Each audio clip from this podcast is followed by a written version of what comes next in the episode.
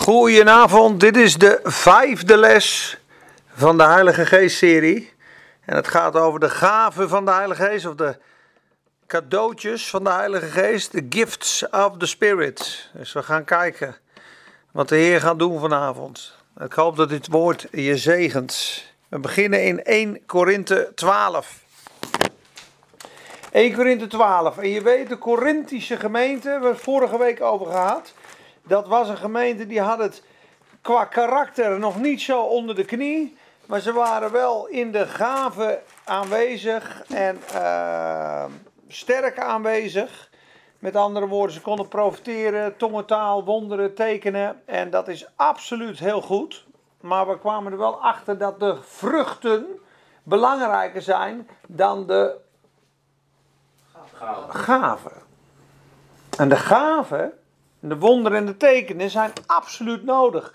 En wat je vaak ziet in Nederland, in christelijk Nederland, zijn dat zijn plekken, daar is heel veel liefde, maar weinig kracht van de Heilige Geest. Dan zijn ze wat terughoudender op te tekenen. Zo van ja, maar dat was voor toen. Of de Heilige Geest heeft dat niet nodig. Dat waren, waren alleen de apostelen. Dat is niet helemaal waar. En, of dat is niet helemaal waar, dat is helemaal niet waar. En er zijn natuurlijk mensen waar de kracht heel veel is, alleen waar de liefde weinig is. Waar ze nou, best wel hoogmoedig zijn, eh, pochten, eh, mannetjes. En dan denk je, nou, eh, nederigheid, zachtmoedigheid, liefde, dat, dat staat bij God hoger aangeschreven. je kan dus, het mooiste is als je lief hebt en in wonderen en tekenen wandelt en in de kracht en de gaves, dan heb je allebei, dat is geweldig. Maar we zeiden vorige week, als je moest kiezen, dan kan je beter de nederigheid en de liefde en het karakter van Jezus hebben, dan dat je heel veel krachten en dingen doet. Dat, dat zie ik in hoofdstuk 13, wat we straks gaan lezen. Als je de liefde niet hebt, al had je het geloof om bergen te verzetten, en je had de liefde niet, dan ben je niks. En dan spreek je met alle tongentalen en, en, en talen van de mensen, maar je de liefde niet, ben je niks. Maar je moet niet het kind met het badwater wegspoelen. Want de gaven zijn wel degelijk van belang. En God heeft die gegeven aan zijn gemeente. Tot opbouw van zijn gemeente. En die gaven, daar wordt niet veel onderwezen in de kerk. Al, al helemaal niet veel in evangelische kringen. Ehm, de charismatische kringen, dus de charismata in het Grieks betekent genadegaven. Daar wordt er juist heel veel over onderwezen. Maar er moet, mijn inziens, een, een goede balans komen tussen de kracht van de Heilige Geest, tussen de liefde van de Heilige Geest. Vanavond gaan we die gaven bespreken. Want Paulus schrijft er gewoon over. En als het niet belangrijk was, stond het niet in de Bijbel. Als het niet belangrijk was, had hij hoofdstuk 12 gezegd: ja, de gaven, ja, die tellen niet meer. Of die, die, daar hebben niks aan. Nee, hij schrijft er een hele hoofdstuk over. Sterker nog, hoofdstuk 12 gaat over de gaven van de Heilige Geest. Dan komt hoofdstuk 13, die gaat over de liefde. En dan gaat hij in hoofdstuk 14 gaat hij weer verder over tongentaal en profetie. Dus hij plaatst de liefde mooi in het midden. En dat hopen we vandaag in te zoomen op de liefde en de kracht van de Heilige Geest en de gaven van de Heilige Geest. Dus ik begin te lezen in hoofdstuk 12, daar staat boven vele gaven, één geest. Wat nu de geestelijke gaven betreft, broeders, wil ik niet dat u onwetend bent. Zie dat? Hij wil niet dat je onwetend bent over de geestelijke gaven. Dat is de apostel Paulus, die wil niet dat de kerk onwetend is over geestelijke gaven. Dus we moeten ze bestuderen, klaar. U weet dat u vroeger heidenen was, weggetrokken naar de stomme afgoden. Zo liet u zich meevoeren. We hebben hier iemand die handelde vroeger in spulletjes. Nou, maar daarom maak ik u bekend dat niemand die door de geest van God spreekt, zegt Jezus is een vervloekte. Ook kan niemand zeggen Jezus is Heer dan door de Heilige Geest. Jezus is Heer. Dat heb ik even geleend van Arnoud Troost. Zeg even in de comments, Jezus is Heer. Vind ik wel mooi. Zet in de comments, Jezus is Heer. Dat zie iedereen, iedereen het tikken. Maar niet, ik heb het wel eens gedaan bij een, eh, eh, een zaak, een soort islamitische zaak, waar ze kebab aan het maken waren. En toen zei iemand, ja, maar je kunt toch gewoon Jezus is Heer zeggen, zonder de Heilige Geest. Maar hier staat, niemand kan zeggen, Jezus de Heer, dan zonder de Heilige Geest. Dus ik zei tegen zo'n man, kan jij zeggen, Jezus is Heer? Hij wou het niet zeggen. Nou zou er misschien iemand klakkeloos dit kunnen zeggen met woorden, maar met je geest, met je hart, uitspreken volgens de Bijbel, Jezus is Heer. Dat kan alleen maar door de Heilige Geest. Er is geen één andere geest die dat wil beleiden. De boze die wil dat niet beleiden. Vroeger zei iemand dus, hoe kom ik erachter of ik een kind van God ben? Dat durfde iemand niet te zeggen. Toen zei iemand een keer tegen mij, moet eens omdraaien. Zeg eens volmondig, ik ben geen kind van God. Ik zeg, ja, dat blokkeer ik. Ik ben. Nee, natuurlijk niet. Ja, dan ben je toch een kind van God. Ik ben geen... Nee, ik ben een kind van God. Maar de duivel brengt je aan twijfelen. Maar niemand kan zeggen Jezus de Heer dan door de Heilige Geest.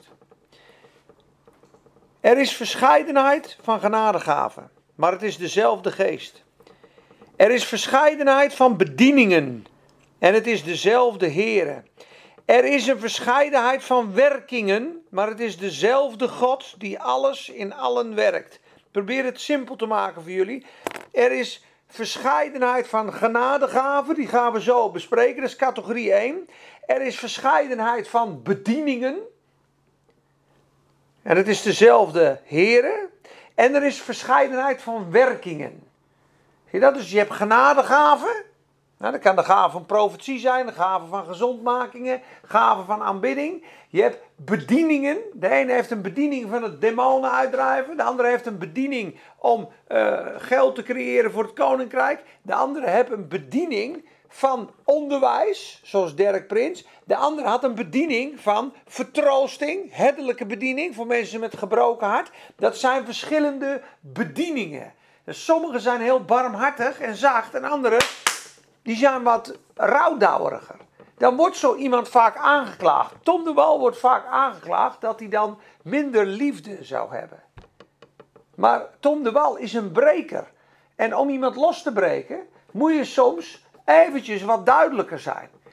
En dat is hetzelfde als een politie uh, tegen iemand zegt: Kom het huis uit! Weet je wel? U bent onder arrest! Ja, dan denk je, wat een onaardige man. Nee, hij is iemand aan het redden die, die, die met een wapen op een kind zit te richten. Hij is juist hartstikke liefdevol bezig, maar hij moet ingrijpen. Hij gaat niet vragen, meneer eh, de overvaller, zou u uh, alsjeblieft drie stapjes achteruit willen doen? Nee, dat doet hij niet.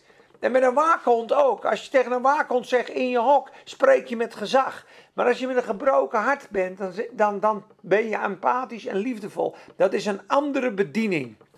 Revive all nations. Hey, Wenner! Hallelujah! It's an honor for you to listen to this brother, bro. We're doing uh, 1 Corinthians 12 about the gifts of the Spirit. Hallelujah. Different workings. Verscheidene bedieningen, maar dezelfde heren. Verschillende werkingen. De werking van wonderen, de werkingen van de Heilige Geest, de uitingen van de Heilige Geest.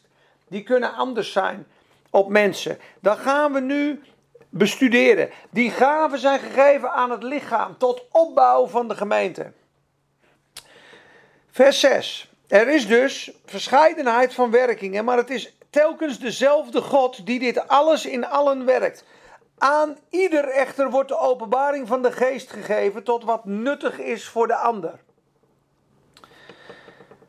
Want aan de een wordt door de geest het woord van wijsheid gegeven. En aan de andere woord van kennis door dezelfde geest. Wie weet wat een woord van kennis of een woord van wijsheid is? Weet je dat? Toevallig? Nee. Nou, een woord van kennis bij de Heer Jezus is bijvoorbeeld dat hij Nathanael tegenkomt. En dan zegt hij, Nathanael, ik zag u onder de boom toen Filippus u, u riep. Maar dat, dat was ervoor. Want op een gegeven moment zegt Nathanael, oh u bent een profeet. Dan zegt hij nou, vanaf nu zul je de engelen op de zoon des mensen neer zien komen met de ladder. Maar voordat Filippus u riep, zag ik u onder de boom. Dus dat was een woord van kennis, zonder dat de Heer Jezus dat letterlijk gezien had. Dat heeft hij ook bij de Samaritaanse vrouw. Een woord van kennis. Ga je man eens halen. Ik heb geen man. Nou, dat klopt. Want je hebt vijf mannen gehad en degene waar je nu mee bent is je man niet. Wat, hoe wist de Heer dat? Het is door de Heilige Geest. Het is een woord van kennis.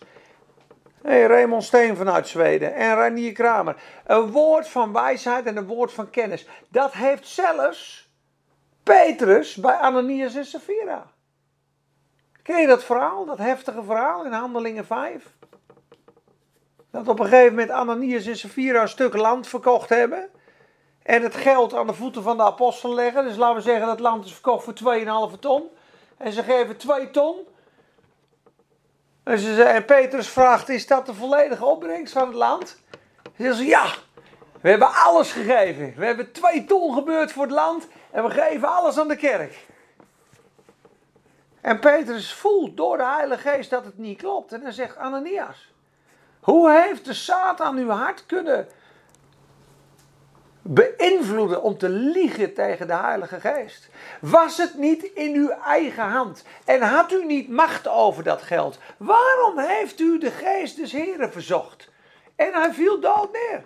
Dat gebeurt in de Bijbel. Drie uur later komt Safira zijn vrouw binnen.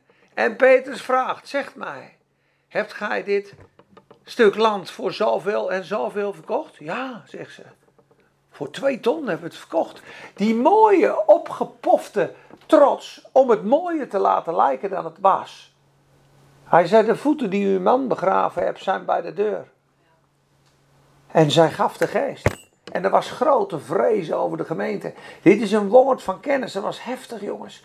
En hij zegt ook: hoe is het mogelijk dat de Satan dit in jullie hart bewerkt heeft? Waarom ga je de geest des Heren verzoeken? En waarom hebben jullie gelogen tegen de Heilige Geest? U heeft niet tegen mensen gelogen, maar tegen de Heilige Geest. Hoe wist Petrus het? Door de Heilige Geest. Door de Heilige Geest.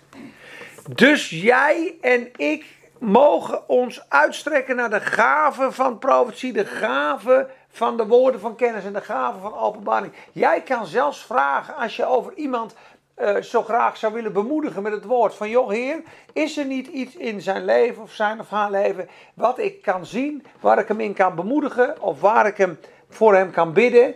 Ik bid u om een woord van kennis of een woord van waarheid. Ik heb het vroeger wel eens gebeden. Dan uh, bad ik, Heer, ik wil bid dat ik woorden van kennis en woorden van wijsheid vandaag mag spreken.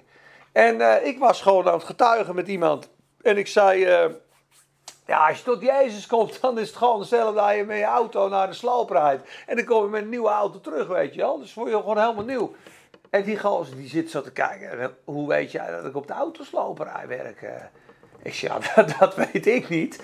Maar dat zei ik gewoon bij toeval, zal ik maar zeggen. Maar ook dat was een woord van kennis. Want die jongen werd daardoor geraakt. Dus woorden van kennis, woorden van wijsheid worden gegeven door de Heilige Geest. Aan een ander wordt geloof gegeven, de gave van geloof, handelingen 3. Door dezelfde geest. En aan anderen genadegaven van genezingen. Tom de Wal heeft genadegaven gaven van God uit genade om te genezen. Moet nagaan, dat noemt de Bijbel gaven der gezondmakingen in de Statenvertaling, in het oude woord. Gaven der gezondmakingen. Dus moet je nagaan dat ik nu jou de gaven der gezondmakingen geef. Karin legt haar handen op je en je wordt gewoon gezond. Dat is een gave van God. Dus dan gaan mensen dat aanvallen. God geneest niet. God wil niet genezen. Hoe krom kan het zijn? Dus de Heilige Geest geeft een cadeau. Gaven der gezondmakingen. Die geeft hij aan iemand om mensen gezond te maken. Dat is de wil van God. Het is een goede gave van God. En dan ga je aanvallen wat die man aan het doen is in het bidden voor de zieken. Dus kijk hoe krom dat is. God geeft de gaven der gezondmakingen. En hij geeft aan anderen werking van krachten. krachten van de Heilige Geest om jukken te doorbreken. Ik ben in diensten geweest waar iemand zoveel kracht van de Heilige Geest had dat hij bad voor iemand. Dat was gewoon 70 meter verder. Gewoon een krachtveld te voelen in die zaal. Toen hij een juk van iemand brak. Door de kracht van de Heilige Geest. Depressies breken af. Minderwaardigheid breekt af. Jukken breken af. Door de kracht van de zalving van de Heilige Geest. Je kan niet met liefde en omhelzing een demon eruit klappen. Wist je dat? Maar je kan ook niet in één woord een zielenwond eventjes wegsturen. Zie je waar het misgaat?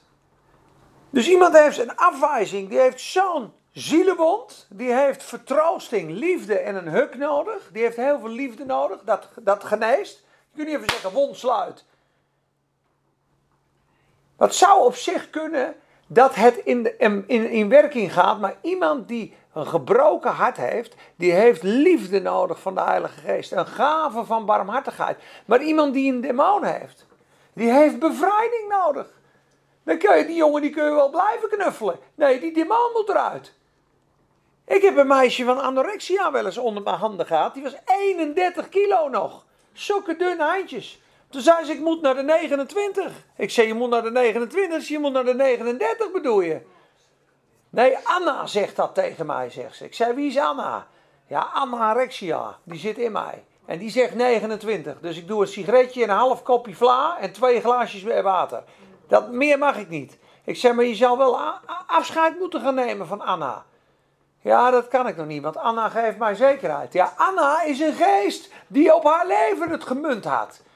En dan kun je haar knuffelen en helpen. Maar totdat die geest eruit geknald wordt door de Heilige Geest, door de kracht van werkingen, door de werkingen van kracht, komt ze niet vrij. Dus in één geval ga je omhelzen, in een ander geval leg je handen op, in een ander geval breek je een juk en in een ander geval spreek je iemand aan. Zelfs op zijn misdaden, dat kan ook. Dat is allemaal door de Heilige Geest. Hé hey Anita,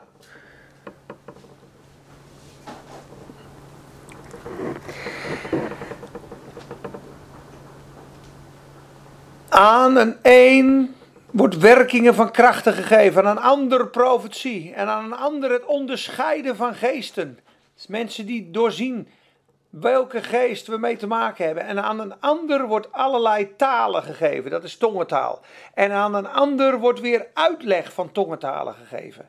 Al deze dingen echter werkt één en dezelfde geest, die aan ieder afzonderlijk uitdeelt zoals hij wil. Nou, nu gaat hij het stuk uitleggen. Het is te lang om nu te lezen. Dat al die gaven uniek zijn, zoals onze ledematen in het lichaam. Dus ga nou niet zeggen, en dat is ook gevaarlijk, hij heeft gaven der gezondmakingen. Dat moet ik ook hebben. En ik moet ook dit en dit en dit en dit en dit hebben, want anders ben ik niet goed of hoor ik er niet bij. Dat is niet hoe het werkt. Je hebt het oog, je hebt de hand, je hebt de voet, je hebt de schouder in je lichaam, zegt hij in dit stuk. Denk niet meer van jezelf dan je moet denken. Ja? En blijf gewoon wie je bent. Want als jij een voet bent, hoef je niet te knipperen. En als jij een oog bent, hoef je niet te werken. Dus als jij een profetische zalving hebt, of een andere bekwaamheid om te dienen, hoef je je nooit met een ander te vergelijken. Je mag aan God vragen, Heer, wat is mijn specifieke roeping? Wat is mijn specifieke bediening? Wat is mijn specifieke gave? Wat is mijn specifieke werking? Wie ben ik, Heer, in uw koninkrijk? Ben ik een apostel? Ben ik een herder? Ben ik een leraar? Ben ik een, uh, een evangelist? Nou, je hoort hier de evangelist. Ja, dat hoor je. je. Zij kan wel de herder zijn, de bemoediger. Nou, hij is de leraar, dat weet ik. Hij houdt van de Bijbel, Bijbelstudies geven. Hij is de aanbidder, ik weet het niet. Of je een evangelist bent of een profeet. Ik denk dat je profetisch bent. Je hebt aanbid God, je zoekt het hart van God, profetische gaven. Diepe inzichten in de geest. Mooie, scherpzinnige denker. Dat denk ik, als ik je zo zie. Profetische gaven, die speelden. Vroeger zei zelfs de profeet, breng mij een speelman. Elisa zegt dat in 2 Koningen 5. Waarom vroeg hij om een speelman? Breng mij een speelman. Wat bedoelt u met speelman? Oh, een speelman was een, een harpist, die een, een muziek maakte. Ja, ja, breng mij iemand die muziek voor me maakt. Sorry, is een beetje oude taal. Breng mij iemand die lekker muziek maakt. Op de harp. Toen kwam iemand. En de zalving kwam op Elisa. En hij begon te profiteren. Hij begon de woorden van God door te geven en te spreken. In die zalving van aanbidding. Hij had dus muziek nodig om in die flow te komen van de Heilige Geest. Niks mis mee. Niks mis mee. muziek is perfect, toch? Heel mooi. Als je mijn vrouw zegt, zo zet s ochtends gelijk aanbidding op met, met uh, de, uh, stofzuigen. De hele atmosfeer in het huis verandert. Reckless love, draai je maar. Karabakasarabakaseketebrekatarabraha. Ja, ja, halleluja. Dus, ik sla even een klein stukje open. Um, nou, weet je, laten we maar een stukje lezen van dit. Laten we maar een stukje lezen van dit. Vers 12. Want zoals het lichaam één is en het veel leden heeft en al de leden van dit ene lichaam, hoewel het er veel zijn, één lichaam zijn, zo is het ook met Christus. Ook wij allen immers zijn door één geest tot één lichaam gedoopt. Het zij dat wij Joden zijn, of Grieken, of slaven, of vrijer, wij zijn allen van één geest doordrenkt. Wij zijn één lichaam. Want ook het lichaam bestaat niet uit één lid, maar uit vele. Als de voet zou zeggen, omdat ik geen hand ben, ben ik dan niet van het lichaam? Is hij daarom niet van het lichaam? Vraagteken. Nee, natuurlijk niet. En als het oor zou zeggen, omdat ik geen oog ben, ben ik dan niet van het lichaam? Hoor ik er dan niet bij? Is het daarom dan ook niet van het lichaam? Vraagteken. En als het hele lichaam nou een oog zou zijn, waar zou dan het gehoor zijn? En als het hele lichaam gehoor zou zijn, waar zou dan de reuk zijn? Maar nu heeft God de leden, elk van hen afzonderlijk, in het lichaam een plaats gegeven zoals Hij dat gewild heeft. Als zij allen één lid waren, als we allemaal profeten zouden zijn, als we allemaal gaven van gezondmaking zouden hebben, waar zou dan het lichaam zijn? Zie je dat er verscheidenheid is en veelzijdigheid? Nu echter zijn er wel veel leden, maar er is maar één lichaam. Er zijn maar één kerk. En het oog kan niet zeggen tegen de hand, de profeet kan niet zeggen tegen de evangelist: Ik heb jou niet nodig. Of vervolgens het hoofd tegen de voeten: Ik heb jullie niet nodig. Je kan niet zonder voeten. Dus de voeten spreken in mijn zinziens van evangelisten. En het hoofd spreekt van regering, nadenken en apostel. En een ziener, vroeger noemden ze de zieners profeten. Snap je, in de hand is die werkt voor God. Dus je ziet dat wij allemaal bijzondere gaven hebben, maar allemaal van één lichaam zijn. We horen bij elkaar met al onze verschillen. En aan de leden van het lichaam, die wij als minder eervol beschouwen, verlenen wij grotere eer en onze eer, oneerbare leden krijgen een grotere eer. Dat gaat over, over je lichaam, hè? even in het natuurlijke. Onze eerbare leden echter hebben dat niet nodig. Dus de mooie delen van je lichaam, die hebben geen grotere eer nodig, want die zijn al mooi. Snap je wat ik bedoel? Snap je wat hij bedoelt? Nou, niet helemaal. Nee, maar je geslachtsorganen bijvoorbeeld, Nou, die zijn ja, oneervol voor het oog, maar die geven je toch heel veel aandacht en die bekleed je netjes. Terwijl je ogen, die zijn al heel mooi, daar hoef je op zich niks aan te doen. Dus je bent wie je bent. Maar oneervolle dingen van ons lichaam, daar geven we heel veel aandacht aan, zegt hij. En sommige dingen die onbelangrijk lijken, een paar wimpertjes van je ogen, ja, of je oogleden. Zonder oogleden dan zou je geen slaap meer hebben. En zonder nagels zou je niet kunnen werken, want dan zouden je handen pijn doen. En je baardharen groeien een andere kant op. Als die dezelfde kant als je hoofd uit zouden groeien, zou je stikken. Het zijn allemaal wonderlijke dingen van het lichaam. Vers 26. Als één lid lijdt, lijden alle leden mee. Als één lid eer ontvangt, verblijden alle leden zich mee. Samen bent u namelijk het lichaam van Christus. En ieder afzonderlijk zijn zijn leden. Nu komt het mooie in vers 28.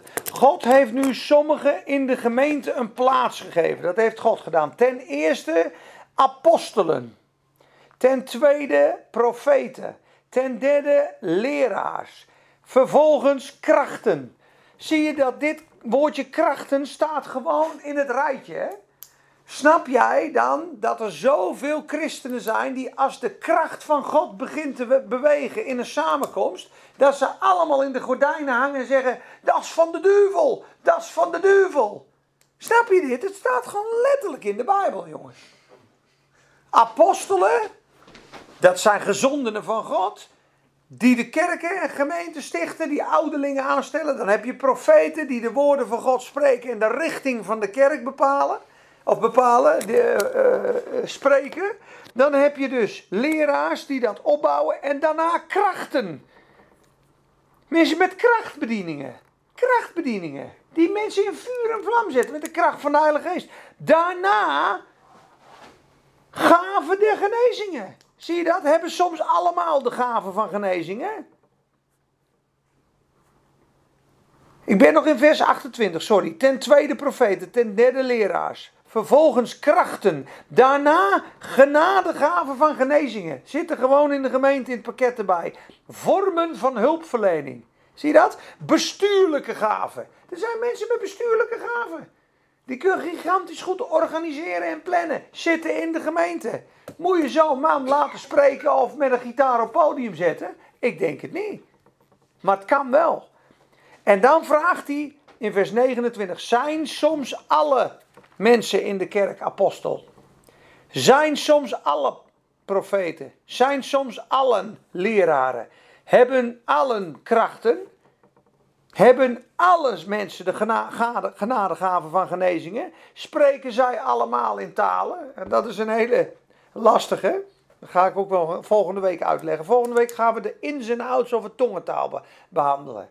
Want tongentaal heeft vier tongentalen. En als je niet goed het verschil ziet tussen een tongentaal in de gemeente en een tongentaal persoonlijk, ga je heel erg veel dingen door elkaar halen. Want aan de ene hoofdstuk zegt Paulus: Ik wil dat jullie allemaal in tongen bidden. Dat is één. Jezus zegt: Deze tekenen zullen de gelovigen volgen. In mijn naam zullen ze demonen uitdrijven. Ze zullen spreken in nieuwe tongen. Dus dat is een teken van een gelovige. En hier zegt Paulus: Spreken ze soms allemaal in tongen? Vraagteken. Zijn ze allemaal uitleggers? Maar waar heeft hij het hier over? Hij heeft het hier over de gaven, de speciale gaven in de gemeente. Dus dan komt in de gemeente iemand een tongentaal uitspreken. Die moet uitgelegd worden. Een tolk moet erbij zijn, toch? Dat moet een vertolking bij. Maar als jij voor jezelf in tongen bidt thuis, ja, dat is heel wat anders. Daar gaat hoofdstuk 14 over, twee hoofdstukken verder. Heeft hij het over tongentaal. Dat gaan we volgende week behandelen. Alle ins en outs van tongentaal. Dat is ook dat boekje van Tom de Wal zo goed geschreven. Daar heb ik jarenlang problemen mee gehad. Want op Bijbelschool raakte ik in de war. Ik denk, ja, wat is het nou? Hier staat, spreekt er iedereen in tongen? Ja, en hier zegt, hier moeten we allemaal weer in tongen spreken. En als je een kind van God bent en je hebt de Heilige Geest ontvangen, is het normaal dat je in tongen spreekt. En hier, hier zegt Paulus weer dit. En op, de, op de, eh, de Pinksterdag was de uitstorting van de Heilige Geest. Toen begonnen ze zelf te spreken in tongen zoals de Geest het gaf uit te spreken. En ze hoorden allemaal talen. En in een ander hoofdstuk zegt hij weer: Jij bent degene die moet spreken. Ja, dan snap ik het niet meer. Nou, dat is ook niet makkelijk. Maar als je het hele plaatje leest. En je krijgt alle ins en outs over tongentaal. dan zie je dat er bidden in tongen is. spreken in tongen. profeteren in tongen. zingen in tongen. Ja. En gebedstaal in tongen, zware gebedstaal, onuitsprekelijke verzuchtingen. Er zijn vier soorten tongentaal. Maar is dat ook allemaal, uh, hoe moet ik het uitleggen? Is dat uh, allemaal bijvoorbeeld hetzelfde wat je zegt? Of zijn dat ook weer andere klanken? Of hoe zit dat? Nee, je hebt een tongentaal, deze, die kan ik zo opstarten. Brokasia brambra lalama brondelista prakaravambambrandalama sata. Nu weet jij niet wat ik zeg. Nee. Dus Paulus zegt, als je dit in de gemeente doet, Peter, doe het dan zachtjes voor jezelf. Want anders denken mensen dat je gek bent. Maar als je in de gemeente in de tongentaal spreekt door de Heilige Geest, dus de Heilige Geest komt over mij heen. Hij is bijvoorbeeld aan het aanbidden en dan ik, de geest valt op Peter Duist. En er komt Rondalabasoko Dan zegt Paulus, laat hij dan bidden dat hij het uit mag leggen. Dat de hele gemeente opgebouwd en bemoedigd wordt. Want anders, hoe zullen ze zeggen amen op uw tongentaal? Maar die geeft God, die kan ik niet opwekken. Dat is net als God ineens een profetisch woord of een wonderwerking in de gemeente doet. Het is naar de wil van de Heilige Geest. Maar je persoonlijke gebedstaal met God, je tongentaal, die kan ik zo aan en uitzetten. Maar dat sticht mij. Dat sticht jou niet. Daar gaat hoofdstuk 14 over. Dan zegt hij: verbied niet om in tongentaal te spreken, maar doe het zachtjes voor jezelf. Tenzij je van God een tongentaal krijgt, dat de geest zo sterk aanwezig is dat het een woord van God is, wat gegeven wordt in tongentaal, ja, laat hij dan uitleggen. Of er is iemand anders die zegt, ja Peter die is nu in tongentaal aan het bidden, maar hij zegt nu dit en dit en dit en dit. Dat is normaal in de gemeente, maar we zijn met z'n allen al zo gedegradeerd naar een natuurlijk christendom, dat dit bijna nooit voorkomt. Dat is ook weer een gave, toch zo'n tolk, als je kan... Uh, ja, dat is ook een gave, zijn allen uitleggers. Maar in de boeken van Wigglesworth, in die preken, dat zijn gewoon preken die zijn opgeschreven, dat boek heb ik thuis. Elk hoofdstuk staat er op een gegeven moment, dan is hij, dan is hij aan het preken, dan staat er vertolking van tongen. En dan komt er zo'n stuk. Dus dan is hij in die dienst. Ronda la bacombria la basoko la bacambra bara dara dara da bombra dele. Is hij twee minuten losgegaan. En dan komt die vertaling erachteraan. En dat staat dan in dat boek. Dus, maar die man was zo vol van de Heilige Geest. Dat elk half uur of elk uur in die diensten gebeurde dat gewoon. Dat is normaal, de werkingen van de kracht. Maar wat zijn wij in Nederland aan, aan doen geweest jarenlang? En dat doe ik nu ook. De bediening van het woord. Wij bedienen het woord. De do geesten van, uh, van het geloof. Hè? Dus die houden dan. Uh, zijn dan de duivelse geesten en die willen het zo klein mogelijk houden. Dat mensen er niet achter komen dat ze gaan. Precies! En dat is waar de meeste kerken. Precies! Dat is religie, ja. Dat is waar de meeste kerken. Vader, zoon. Het is vader, zoon en heilige geest, maar we maken het vaak Vader, Zoon en Heilige Schrift. Ja. En dan is gewoon de Bijbel en dan zeggen we Amen. Maar de Heer Jezus ging rond, onderwijzende, prekenende en genezende, bevrijdende, helende. Dat deed hij erbij. Hij was altijd aan het demonstreren. Hij sprak het woord en ze kwamen tot hem en hij wierp de demonen uit en genas ieder. Ik heb vandaag nog gelezen Marcus 1 tot hoofdstuk 6. Moet alleen thuis straks, moet je Marcus eens lezen, moet je even afvinken hoeveel wonderen Jezus doet in het hoofdstuk 1, 2, 3 en 4. Gewoon even een dag met Jezus. Hij komt aan, hij werpt een demon uit, hij geneest het dochtertje van Jairus, hij komt daar, dan kwamen de duizenden bij hem, toen komt hij bij de Gadarene, dan gaat hij daarheen, toen doken ze op hem bij een boot, toen genas hij die en die en die en die. Het is één grote genezingscampagne. En op een gegeven moment staat er, en toen kwamen velen. We gaan het even lezen, doe maar. We gaan even naar Marcus 6. Hij begon toch met vasten, vijf uur vasten. En dan. Vijf uur? Waar, waar stond dat?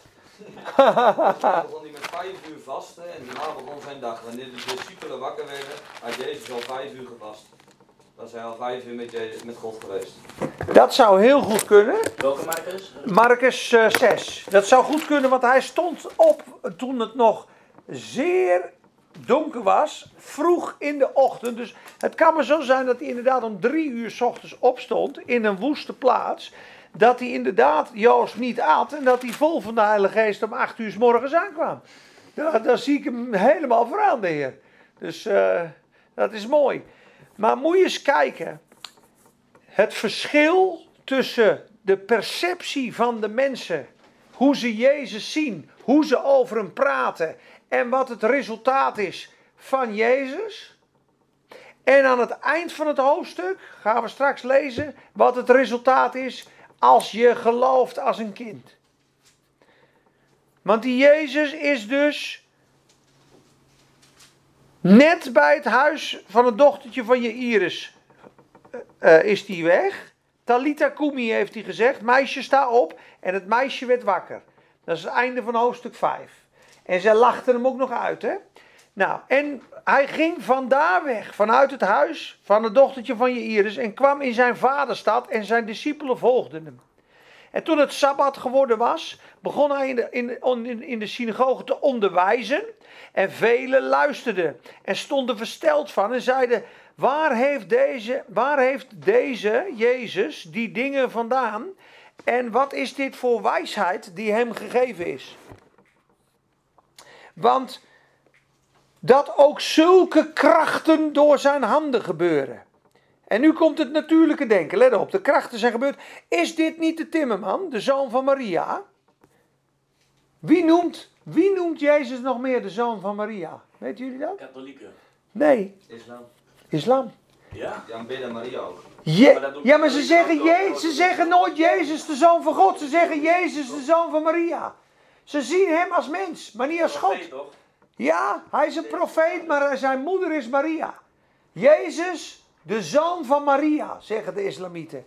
Maar ze zeggen nooit Jezus, de zoon van God. Want als je in Marcus 1 vers 1 kijkt, even tussendoor. In het begin van het evangelie van Jezus Christus. De zoon van God. Staat er in Marcus 1 vers 1. De zoon van God. Maar zo noemen ze hem niet. Ze noemen hem de zoon van Maria. Maar hier in Marcus noemen ze hem ook, is dit niet de timmerman, de zoon van Maria, de broer van Jacobus, van Jozef en van Judas en van Simon en zijn zijn zusters niet bij ons en zij namen aanstalt aan hem. Ze zagen hem als mens, wie is die vent? We kennen toch zijn broers en zijn zusters. Hij zegt, hij zegt dat hij God is. Hij zegt geen God. Ik ken hem toch, zijn vader is timmerman. En dan zegt Jezus, in je eigen plaats is een profeet niet ongeëerd. Behalve in zijn vaderstad en bij zijn familie en in zijn eigen huis. Let op vers 5. En hij kon daar geen kracht doen. En hij legde slechts enkele zieken de handen op en genas hen. Slechts enkele zieken. Jezus kon daar geen krachten doen. In al zijn volheid. En wat staat in vers 6? Hij verwonderde zich over hun ongeloof. En hij trok rond de dorpen in de omgeving en gaf er onderwijs. Dit is Nazareth zijn, zijn woonplaats. Nou gaan we naar het einde van het hoofdstuk. Hoofdstuk 6. En dan gaan wij naar vers 53. Vers 53. Daar zijn zij met de boot het water op geweest. Er kwam een grote storm. Ze zagen Jezus op het water lopen. Dat is hiervoor net gebeurd. En ze zeiden: spook, een spook, een spook. En Jezus is in de boot gekomen en toen vaarden ze naar de overkant. En toen zij overgevaren waren, nee, Vito's. toen zij overgevaren waren, kwamen zij in het land van Genesaret en legden daar aan. En toen zij uit het schip gegaan waren, herkende men hem meteen. De mensen zagen hem al hier als God, let op. Men liep heel die streek door en begon op lichtmatten hen die er slecht aan toe waren met zich mee te dragen naar de plaats waarvan ze hoorden dat hij daar was. En waar hij ook kwam, in dorpen of steden of gehuchten, daar legden ze de zieken op de markten en smeekten hem of zij al was het maar de zoom van zijn bovenkleed aan mochten raken. En allen die hem aanraakten, werden volkomen gezond. Zie je het verschil? Waarom gebeurt het hier wel en in Nazareth niet? Door het geloof en door de perceptie. Jezus is niet een man en een timmerman en zijn broer en zijn zus zit hier. Het is de zoon van God. Ze zagen hem. Ze hadden gehoord over Jezus. Haal de zieken, haal die bedden. Maren is die in Baren. We moeten naar Baren toe. Ruk die terminale kankerpatiënt van zijn bed af. Hoppa, aver in de bus. Hoppa, we gaan naar Baren. Leg hem maar neer. Maren is die middenhema. Hij is een kleed aanraken, ben je gezond. Het is de wonderwerker. Jezus komt morgen langs. Moet je eens nagaan dat hij nu naar Baren gaat. Dat er gewoon 5, 6, 700 man op een kleedje ligt te wachten zo. En zoveel als hem aanraakten werden volkomen gezond. Is dezelfde kracht van de Heilige Geest. Maar in Nazareth stroomde die niet. Want zij zagen met natuurlijke ogen. Wie is die vent joh? Ze zagen hem niet als Jezus, de Zoon van God, maar Jezus, Zoon van Maria. Zie je het verschil? Maar Marcus 1, vers 1 zegt Jezus, de Zoon van God. Jezus, de Zoon van God. En lees Marcus maar eens, want Marcus is het evangelie geschreven van Jezus, de dienstknecht. Er zijn vier afbeeldingen in Ezekiel. Als zij in Ezekiel 3, meen ik, als hij een profetische beeld krijgt van de hemel, Ezekiel, dan ziet hij die troon met die raderen en die vier koppige uh, dieren met al die vleugels. En de eerste is een leeuw, de tweede is een rund, de derde is een man en de vierde is een adelaar. Dat spreekt van de Heer Jezus. De eerste, de leeuw, spreekt van zijn koningschap. Matthäus is het evangelie van Jezus als koning. De tweede spreekt van een rund. En een rund was een dienend dier, een dienstknecht. En dat spreekt over Marcus. Want in Marcus begint elk hoofdstuk met N. Marcus is een aaneenschakeling van dienen, wonderen en tekenen. En, en, en, en, en, en, en, en, en, en, en, en, en, en, en, en. Kijk maar eens in Marcus, staat alleen maar en. Hij gaat als een jekko in Marcus, een bediening, een dienaar. Lucas is hij de zoon des mensen, het gezicht van een man. Is het vier derde evangelie, Lucas, Jezus als mens. En de vierde is adelaar, komt van de hemel, Jezus als koning. Johannes beschrijft hem als God, of uh, uh, Jezus als God. Johannes beschrijft hem als God. Hij is de deur, hij is de opstanding, hij is het leven. Niemand komt tot de Vader dan door hem. Dus de vier facetten van de evangelie krijg je er even gratis bij. Maar lees maar eens Marcus thuis en zie wat een gigantische bediening van wonderen, tekenen, demonen uitdrijven de Heer Jezus had. Dit allemaal door de kracht van de Heilige Geest die op hem was. En ik zeg het wel vaker, als Jezus in al zijn liefde en al zijn volheid het zonder wonderen en tekenen en de Heilige Geest had kunnen doen, had hij het gedaan. Maar je ziet dat zelfs de Heer Jezus wonderen en tekenen gebruikt om mensen te raken en mensen uit de duisternis te halen. Hij kwam niet alleen met woorden.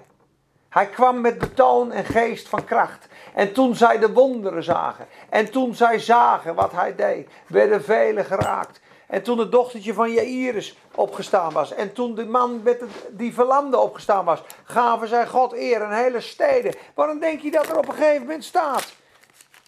Hele menigte kwamen achter hem aan. Hè? Er ja. Er hele groepen.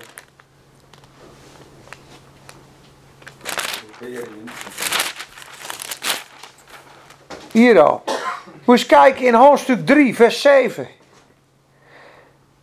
Door die wonderen en die tekenen hoorde zijn, werd zijn faam ging door het hele land heen. Want hij had ook gewoon die man met die demonen eruit gedreven. Er werd natuurlijk gewoon over gepraat. En dat gebruikt God. Hoofdstuk 3, vers 7. En Jezus vertrok met zijn discipelen naar de zee. En hem volgde een grote menigte. Hoeveel is een grote menigte, jongens? Hoeveel mensen zou een grote menigte zijn? 10.000 man. 10.000 man, dat is een grote menigte. Uit Galilea en uit Judea en uit Jeruzalem en uit Idumea en van over de Jordaan. Dus dat is een grote menigte. En ook een grote menigte, nog één, weer 10.000 uit de omgeving van Tyrus en Sidon. Ze lopen gewoon 20.000 man met hem mee. Maar ook van over de Jordaan. Ik heb het wel eens op een plaatje gekeken. Er was 150 kilometer verder kwamen ze vandaan. Dus uit Groningen kwamen ze lopen naar Spakenburg om te zien wat hier gebeurde, omdat hier de Heer Jezus bezig was. Menigten uit al die plaatsen kwamen met hem mee. Daarom zegt hij op een gegeven moment ook in die wonderlijke spijziging: als ik ze niks geef, dan bezwijken ze op de terugweg. Want sommigen hebben al drie dagen niet gegeten. Moet je nagaan dat je met je vrouw en je kinderen en je gezin gewoon drie dagen niet naar je werk gaat, omdat je meegenomen wordt door de kracht van de Heilige Geest. En denk je, joh, dit moet ik zien, ik eet niet eens. Moet je kijken wat dan gebeurd is. Die genas, die genas, die kwam eruit, die kwam eruit. Jezus raakte ze aan. Overal waar hij ging. Moet je proberen in te denken. Hoe groot en hoe krachtig die bediening was. En dat dan Johannes zegt, als al zijn wonderen opgeschreven waren. Dan hadden de aarde de boeken niet kunnen bevatten die dan geschreven zouden worden. Maar ik heb maar een, een handje vol geschreven van hem. Dat jullie weten dat het de zoon van God is. Drie dagen wakker, drie dagen niet eten met je hele gezin, omdat je alleen maar. Zijn alleen maar zo staan. Wie is deze? De storm luistert naar hem. De demonen komen eruit. Alle ziekten genazen waar de Heer Jezus kwam. Grote menigte volgde hem. Door de kracht van de Heilige Geest. Dus de kracht is absoluut van nodig. We gaan even naar Romeinen 12. En dan gaan we de persoonlijke bedieningen lezen. En daarna misschien Efeze 4. En dan hebben jullie een goed beeld. Lees ook zelf die hoofdstukken na. 1 Korinthe 12 thuis. Over de gaven. Je zou nog 1 Korinthe 4 kunnen lezen. Over het apostelschap. En je zou sowieso Romeinen 12 mee moeten pakken. Romeinen 12 gaat ook over het lichaam van Christus. En dat iedereen een unieke taak heeft. En dat gaat je ook vrijzetten van hoogmoed. Gaat je ook vrijzetten van onzekerheid. En het gaat je ook vrijzetten van allerlei andere zaken.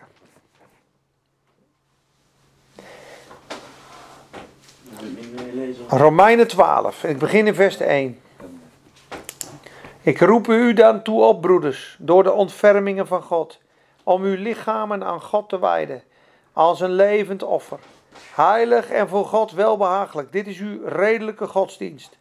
Wordt aan deze wereld niet gelijkvormig, maar wordt innerlijk veranderd door de vernieuwing van uw denken, om te onderscheiden wat de goede, welbehagelijke en volmaakte wil van God is.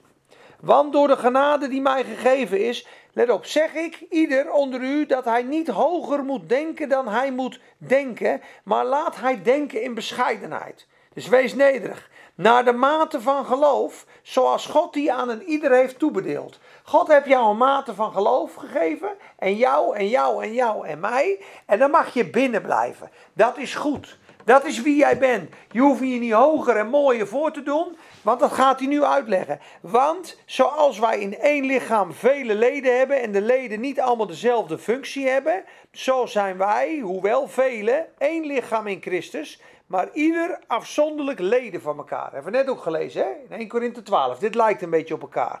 Nu hebben wij genadegaven, onderscheiden naar de genade die ons is gegeven. Het zij profetie, naar de mate van geloof. Het zij dienstbetoon in het dienen. Het zij wie onderwijst in het onderwijzen, wie bemoedigt in het bemoedigen, wie uitdeelt in oprechtheid, wie leiding geeft met inzet, wie zich over anderen ontfermt met blijmoedigheid.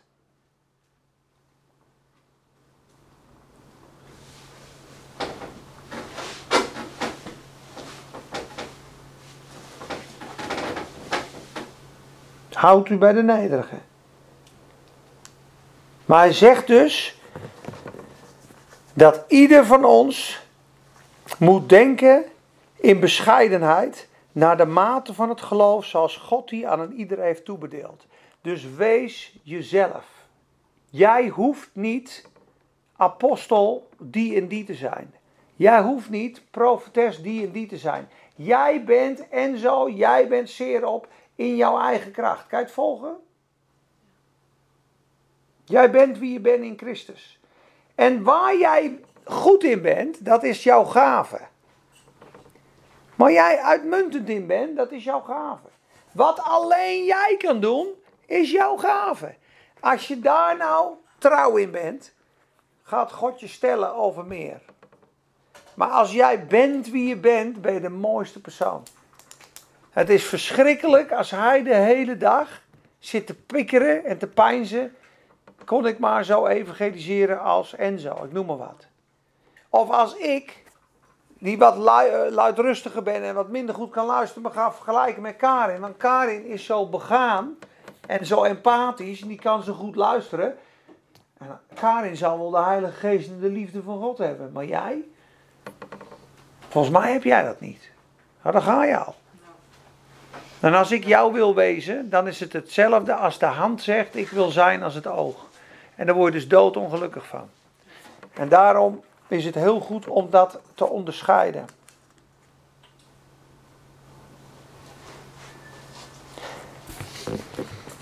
Profetie, dienstbetoon, onderwijzing, bemoedigen, uitdelen.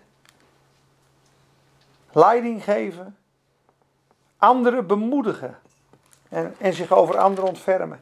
Ik doe nog één stukje Efeze 4 en dan stoppen we. Efeze 4. En er staat weer één lichaam, één geest, staat erboven. Daarom is het altijd Gods plan dat we één lichaam zijn, één gemeente. Maar je ziet al, wat vandaag de dag ook heel veel gebeurt. De profeten hebben een profetische kerk. De evangelisten hebben een evangelistische kerk. Ja, de dieners, die dienaars hebben een, die kerk. En die kerk, ze zijn allemaal niet aan het kijken van we zijn het lichaam. Maar we hebben allemaal tegen elkaar gezegd, ja, maar je kunt niet profiteren. Ja, hierheen krijgt, ja, en bij jullie hebben ze niet over genezing. En daar kunnen ze heel mooi aanbidden, maar daar doen ze geen onderwijs. Daar hebben ze, snap je dat het allemaal facetten zijn van één lichaam? Je hebt elkaar allemaal nodig.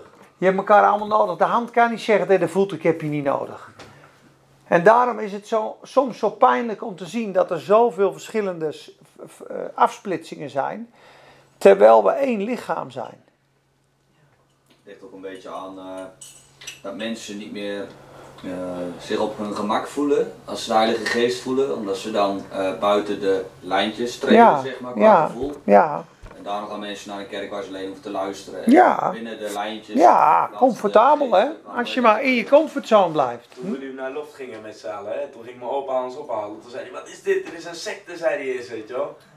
Daarna, daarna zei hij, nee hoor, maar eh, dat, valt, dat is ook wel anders. Ik zei, maar ja, zo hoort het toch eigenlijk. Hey Caleb, Want iedereen met zijn arm in de lucht stond, iedereen op zijn a little Bible study in Dutch here. Ja, hier zit in de zuidelijke... Ephesians 4. Ja, maar dat is het. Mijn opa bijvoorbeeld, ik begon over de, de, de, de terugkoming van Jezus. Nou, dat, eh, dat vond hij gekke werk. Ja. Daar heb jij het over. Ja. Zeg, ja. Dat is, alle tekenen staan in de Bijbel. Ja. Ah, je bent gek, maar hou op. Ja, En precies. die gewoon naar de kerk. Heftig, hè? Nee, ik ook met mijn Ja, is heftig. Zeg, lees openbaringen maar even. Ja, en ik zei ook van ja, dopen staat ook in de Bijbel. Wedergeboorte. Dat je Ja. een wassen keuze moet maken. Ja. Een kind ben je beschermd uit je ouders, maar je moet de, keuze Ja, maken. 100%. Maar dat gelooft ze niet in. Nee, maar dat is best heftig. Want ook wordt er gezegd, de dominee zegt is, dus dat is het zo. De, de, de mens is een leek. Maar dit woord is geschreven aan jou persoonlijk. En ik word ook wel eens om de tuin geleid. Want soms ga ik de Bijbel lezen en dan stu- bestudeer ik de Bijbel. En dan zegt een stemmetje, ja, maar het is wel een liefdesboek. Hè? Je moet het als een liefdesbrief lezen. En je moet de Jezus zoeken. Weet je wel? Ja, dat zijn altijd stemmetjes. Ja, maar je kan liefde, lezen in liefde, maar er is ook gewoon studeren.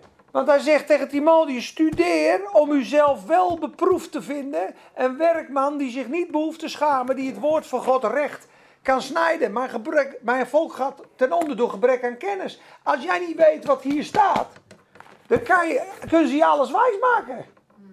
Je moet echt continu in het woord zijn. Elke dag lezen in het woord. Hoe doet een dominee dat dan? Hoe leest hij dan een Bijbel? Ja, verblinding joh. Er is een geest zit erop.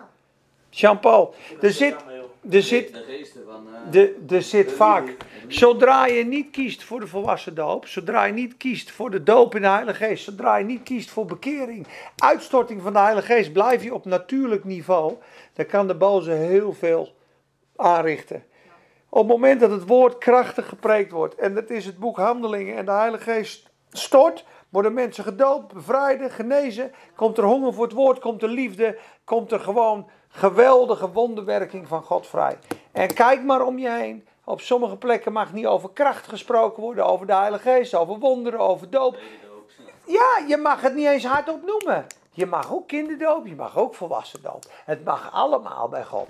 Ja, maar dat staat er helemaal niet. Er staat ook in Johannes 3 vers 5, eh, Jezus zei voorwaar, voorwaar, als iemand niet opstaat uit water en geest, dan eh, zal hij het koninkrijk van God niet binnenkomen, weet je wel. Of binnengaan, ik weet niet hoe het precies staat, ligt er net aan welke vertaling, maar... Ja, dat houdt eigenlijk letterlijk in. Ja, nee, je gewoon moet laten dopen, uit water en geest. Niet, eh, je kunt niet, eh, dat is moeilijk. 100 procent. Dan laat ik dat lezen, weet je wel, aan de wat oudere mensen. En dan zeggen ze van, eh, ja, maar dat is nong, weet je wel. Of, dat is nong allemaal. Vroeger was dat niet. Dus dat hoeft heel niet, weet je wel. Ja. Ik, zeg, ik zeg, het staat er toch? Ja. Natuurlijk En, eh, denk ik, neemt ik over. Naar de Blessing concert geweest, zie ik ook allemaal oude mensen. Van iemand naast me, die was 80. Of ja, aan 79 zei ze. En die liep te springen voor dat hek, weet je wel. Ook allemaal gevuld van de Geest. Geweldig. Maar dan denk ik van, waarom, uh, als je in de Zuiderkerk zit, dan zit je daar zo met dat, dan zitten ze dan maar allemaal, Ja, weet je wel. de geesten van religie, die zijn ook dan, sterk. en als ze de kerk uitgaan, dan hoor je de ene vleug naar de andere weer, weet je wel. Ja, Vind ik wel jammer. Ja, ik heb wel eens gedacht, ze moeten eh, de mensen van de muziek eens een keer in die, eh, die andere kerken zetten. Maar je hebt al een Johan Toet eh, hadden. Johan Toet, dat was vurig. Maar wat zei hij de vorige keer? Als we doorbraak willen zien, het God gezegd, moet de restrictie eraf. Ook de restrictie van de tijd. Want we hebben het allemaal alweer ingelijmd. 8 uur, 11 uur moet het gebouw dicht. In die drie uur moet de Heer het doen. Maar wij weten niet de, regie van de Heer. Dus ze zeiden, we gaan zingen en het is drie uur, dan is het drie uur. We gaan door. En je ziet het toen het laat geworden was bij de Heer Jezus kwamen de zieken bij hem. Toen er lang gepreekt werd, viel hij uit het raam, werden de doden opgewekt. Als je het beste van God wil, moet je tot het gaatje gaan. Ja, ik hou er wel van. Maar vroeger ook in de wereld, wanneer kreeg je de lekkerste vibe? Ah, drie feestjes verder en, eh, en een borreltje of 15 en een pilletje of eh, zes, toch? Of was het na, na, na drie biertjes om kwart over tien? eh, dat is, zo was het. Ja, maar ook zoiets, weet je. Dan zeggen ze, ja, ik ga niet eh, een hele avond in de kerk zitten. Maar je, we kunnen wel helemaal eraan Ja. eh, tot eh, een hele nacht doorhalen, weet je. Amen. Twee of drie. Eline. Ja, dus wat wil God met het lichaam? Waarom wil God dat het lichaam van Christus opgroeit? Gaan we nu lezen. Want we zijn als we wedergeboren worden, pasgeboren baby's. Daar zit je nu En dan vier. moet je Efeze 4. En wat, en wat, ja, de melk van het woord en van de Heilige Geest, heel mooi. Petrus zegt, als pasgeboren baby's verlangt naar de onvervalste melk van het woord. Opdat u daardoor mag groeien, indien je maar geproefd hebt dat de Heer een goede tier is. Dat, dat is 1 Petrus 2. Dus je groeit op als een baby met melk, maar op een gegeven moment word je wat groter in de Heer en dan komt er andere groei. Vast voedsel, hè. Vast voedsel, dan ga je aan de biefstukken. Zo roep ik, hoofdstuk 4, de gevangenen van Efeze, in de Heer u op tot een wandel die de roeping waarmee u geroepen bent waardig is. Jij hebt een roeping, ik heb een roeping. In alle nederigheid en zachtmoedigheid met geduld door elkaar in liefde te verdragen. En u te beijveren om de eenheid van de geest te bewaren. Zie je dat? Door de band van de vrede. God wil eenheid hoor. Eén lichaam en één geest. Zoals u ook geroepen bent tot één hoop van uw roeping. Er is één Heere, één geloof, één doop, één God en Vader van allen. Die is boven allen en door allen en in u allen. Maar aan ieder van ons, komt u weer, is de genade gegeven naar de maat van de gave van Christus. Iedereen heeft een stukje van de Heer Jezus. Dat zei iemand een keer zo mooi. Ze zei, Peter, ieder mens, welke crimineel het ook is, heeft allemaal hebben ze een stukje van God. Dragen ze met zich mee. Ik zei, daar gelijk in. Je gelijk in. Zelfs Hugo de Jonge draagt een stukje van God met zich mee. Hugo, kom tot Jezus, lieve jongen. Kom tot Jezus. Ik heb een woord van God gehad over Hugo een keer. Ik heb gebeden aan de Heer wat voor een man het was. Ik zal het nu niet delen. Ik ga het nog wel een keer delen. Maar ik heb echt gebeden. Wat is Hugo de jongen voor een man? Ik heb gewoon twee antwoorden gehad vanuit de Bijbel. Ik weet precies wie die is. Ik weet precies wat hij doet. De Heer heeft het me kraakhelder laten zien. Echt waar. Ja, echt waar. Prijs de Heer. Eén lichaam, één geest. Daarom, oh ja, daarom, vers 8. We hebben allemaal een stukje van Jezus. We hebben allemaal een stukje van die genade. En iedereen mag dat stukje van Jezus tot volle wasdom brengen in zijn leven. Dat wij allemaal een deel van God reflecteren. Dat God door ons heen zichtbaar wordt. Dat Hij vele zonen tot heerlijkheid leidt. Daartoe zijn wij gemaakt. Dat Christus in jou zichtbaar wordt. Dat jij tot volwassenheid komt. Nu ben ik niet aan het preken of aan het lezen, maar aan het preken. Je zit nee. Waar staat dit? Waar staat dit? Oh, daarom zegt hij, toen hij opvoer in de hoogte, toen hij opvoer in de hoogte, nam hij de gevangenis gevangen en gaf gaven, cadeaus aan de mensen. Wat betekent dit eigenlijk, dat hij opgevaren is? Anders dat hij ook eerst neergedaald is in de diepte, namelijk in de aarde. Want degene die Jezus, die neergedaald is, is ook degene die opgewekt en opgevaren is, ver boven alle hemelen, om alle dingen te vervullen. Ja, en nu komt hij. En hij heeft sommigen gegeven als apostelen, anderen als profeten, weer anderen als evangelisten en nog weer anderen als her- herders en leraars. Waarom? Waarom? Nu komt het. Waarom heeft hij dat gegeven? Waarom heeft hij in dat lichaam apostelen, herders, leraar, evangelisten gegeven? Om de heiligen, dat zijn jij en ik, toe te rusten tot het werk van dienstbetoon. To the work of the ministry. Tot het opbouwen van het lichaam van Christus. Dus dat jij meehelpt aan het opbouwen van de geestelijke kerk, van het lichaam van Christus. Totdat wij allemaal komen tot de eenheid van het geloof. Totdat we allemaal één geloof hebben. Tot de kennis van de Zoon van God. Dat wij een volwassen man zullen worden. Tot de maat van de grootte van de volheid van Christus. Dus dat we vol zijn en volwassen worden met de volheid van Christus. Dat die kerk schittert en schijnt. En dat Christus zichtbaar is. En dat de overwinning van Jezus door jou heen zichtbaar is. Dan is de Satan volledig verslagen. Dan zijn wij geen jonge kinderen meer die heen en weer geslingerd worden. Met allerlei wind van leer en bedrog. Maar dan houden we ons aan liefde, aan de waarheid. In vers 15. En zullen wij in alles toegroeien naar hem die het hoofd is, namelijk Christus. Van hem wordt het hele lichaam samengevoegd, bijeengehouden door banden die ondersteuning geven. Banden en pezen zijn dat van het lichaam. Overeenkomstig de mate waarin ieder deel werkzaam is. Zie je dat? Zo verkrijgt het lichaam zijn groei tot opbouw van zichzelf in de liefde. God wil dat lichaam opbouwen. Ga even twee hoofdstukjes terug en dan eindigen we daarmee. Want wat is die opbouw van het lichaam? Einde van hoofdstuk 2 staat dat. Want, vers 18, wij hebben door hem, beide door één geest, toegang tot de Vader. Wij zijn geen vreemdelingen meer en geen bijwoners weer, maar medeburgers van de, huisgeno- eh, van de heiligen en huisgenoten van God. Je bent een huisgenoot van God. Gebouwd op het fundament van de apostelen en de profeten, waarvan Jezus Christus zelf de hoeksteen is. Op wie dat hele gebouw, goed samengevoegd, verrijst tot een heilige tempel in de Here, op wie u ook mede gebouwd wordt tot een woning van God in de geest. Dus dat lichaam wordt straks opgebouwd, dat is een volle wasdom, dat wordt een stad, dat wordt een bruid. En straks gaat God in die stad wonen. Zodra we opgegroeid zijn, dan zijn we voor altijd samen met God in die eenheid, in het nieuwe Jeruzalem, in die hemel. God wil zich helemaal in ons uitdelen, wil ons knuffelen, wil ons doordrenken met zichzelf, wil ons trouwen, wil bij ons wonen. En die volheid moet zichtbaar worden. En zodra een kerk verdeeld is, ja, heeft de Satan een voet tussen de deur ja, om dit plan uit te voeren. Want hij zegt totdat we alle komen tot de eenheid van het geloof. Dat we niet meer heen en weer geslingerd worden met allerlei wind van neer. Maar dat we vast aaneengevoegd zijn in de liefde. Onder het hoofd van Christus. Heer, wij, ik heb mijn broeder lief. Ik ga voeten wassen. Want we moeten samen gebouwd worden tot een stad. De Satan weet dit. Daarom zorgt hij voor verdeeldheid. Daarom kan die kerk niet groeien. Daarom zorgt hij dat het uit elkaar gedreven is. Maar er komt een tijd, dan komt het lichaam één. En dan gaat God zijn volle plan met die kerk doen. Want wij zijn levende stenen.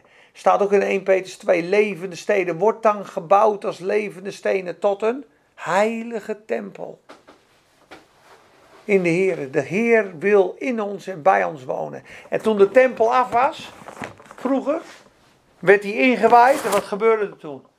De heerlijkheid van de Heer kwam in de tempel en hij vervulde de tempel. En zo gaat God ons straks helemaal vervullen met zijn heerlijkheid. Als wij met elkaar gereed zijn. En als je eigen lichaam als een offer klaar is voor God, vult hij je al persoonlijk. Maar God wil ook straks dat hele lichaam in die stad vullen.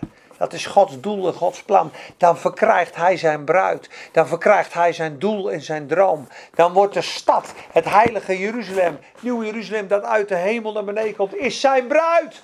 Zijn vrouw. Dan trouwt hij met ons, waar hij voor gestorven is. Dan krijg ik eindelijk mijn vrouw. Het is een romance. Hij is gestorven voor jou en mij, om jou te kopen, om jou te vullen, om jou te maken tot een vat van heerlijkheid. Om tot zijn glorie te stralen, met een koning met hem te regeren. Om één te zijn, één in de stad, één in het leven. Amen. Dat is een diep plan wat de Heer heeft. Vonden jullie het wat? Interessant weer. hè? Perfect. Ik hè? luister hem thuis ook altijd nog wel naar hoor. Ja. Zeker. Ik luister hem altijd nog wel, eh, ook even mijn oortjes in bed. ja, ik snap het. Het is best informatie, maar ik vind het wel heel mooi. Ja, Maar ik heb dan, dan de online bijbel heb, dan eh, kan je gewoon dingen onderstrepen, weet je wel. Ja, en dan ja. schrijf ik dan in mijn notities op, eh, bijvoorbeeld eh, Romeinen 12, eh, 1 Korinthe 12, weet je wel, Ja. waar we het over gehad hebben. En dan kan ik dat altijd thuis nog even doorlezen. Ik moest dan dus heel anders denken tijdens dit. Ook wel wat in het geloof te maken heeft. Wat uit het verleden, weet je. Als je niet doet wat de Heilige Geest je vraagt, zul je nooit blijdschap en voldoening krijgen. precies. Weet je, bijvoorbeeld dus drugs gebruiken en, en stappen en al die dingen doen, daar, krijg je geen voldoening uit. Ja, kort. Ja. Wanneer demonen aanwezig zijn, je dat... Jos is ook een prediker hoor. Hey. Ja, maar Huppakee! Lekker! voldoening pas als je in de Heilige Geest bent. Dat is, daar ben ik nu vooral heel erg achter. Ik denk, Paul, veel beter. Ja, ik zeg altijd, er is nog je high op, hè? spiritual high. wel zoeken. Ja. Het gat moet altijd gevuld worden en dat kan alleen maar de Heer doen. Hè? Dat is de, de Heilige Geest. Ja. Wat denken we wel? eens? Zoeken het hierin, daar, tenminste vroeger. Oh, lekker. Ja, ja, maar daarom vind ik het ook zo zonde je hebt dat... er geen eh, behoefte meer aan, hè? Nee. Het neemt God allemaal weg, hè? Dat is ook wel weer. Het is ook zonde dat dan die kerken die, die, die last hebben van die, die geesten van religie, zeg maar, dat, dat daar dan, daar halen mensen geen voldoening meer uit. Dus Nee dat- joh, da- daarom denken ze het geloof, het zal wel, we doen het wel, maar het is niet. het is religie zeg Jos. maar. En dat, dat vind ik dan zo jammer. Het is heel erg. Maar mijn boodschap dat ik nu vanavond gepreekt heb, kunnen maar heel weinig mensen, kunnen maar weinig... Hey, maar ken ik je ken hem die? al dus. Ik wou hem toevallig aan hem geven. Nou, eh, Heb jij hem helemaal-? Ik het zien hè? Heb je hem al aan gelezen dan? Ja. Ja. De eerste drie zinnen. Maar mijn schoonmoeder, hè, die wordt 87 jaar, die is drie jaar Deze nog geleden- eh, uitzetten of heb je die al? eh? Oh ja. Zo.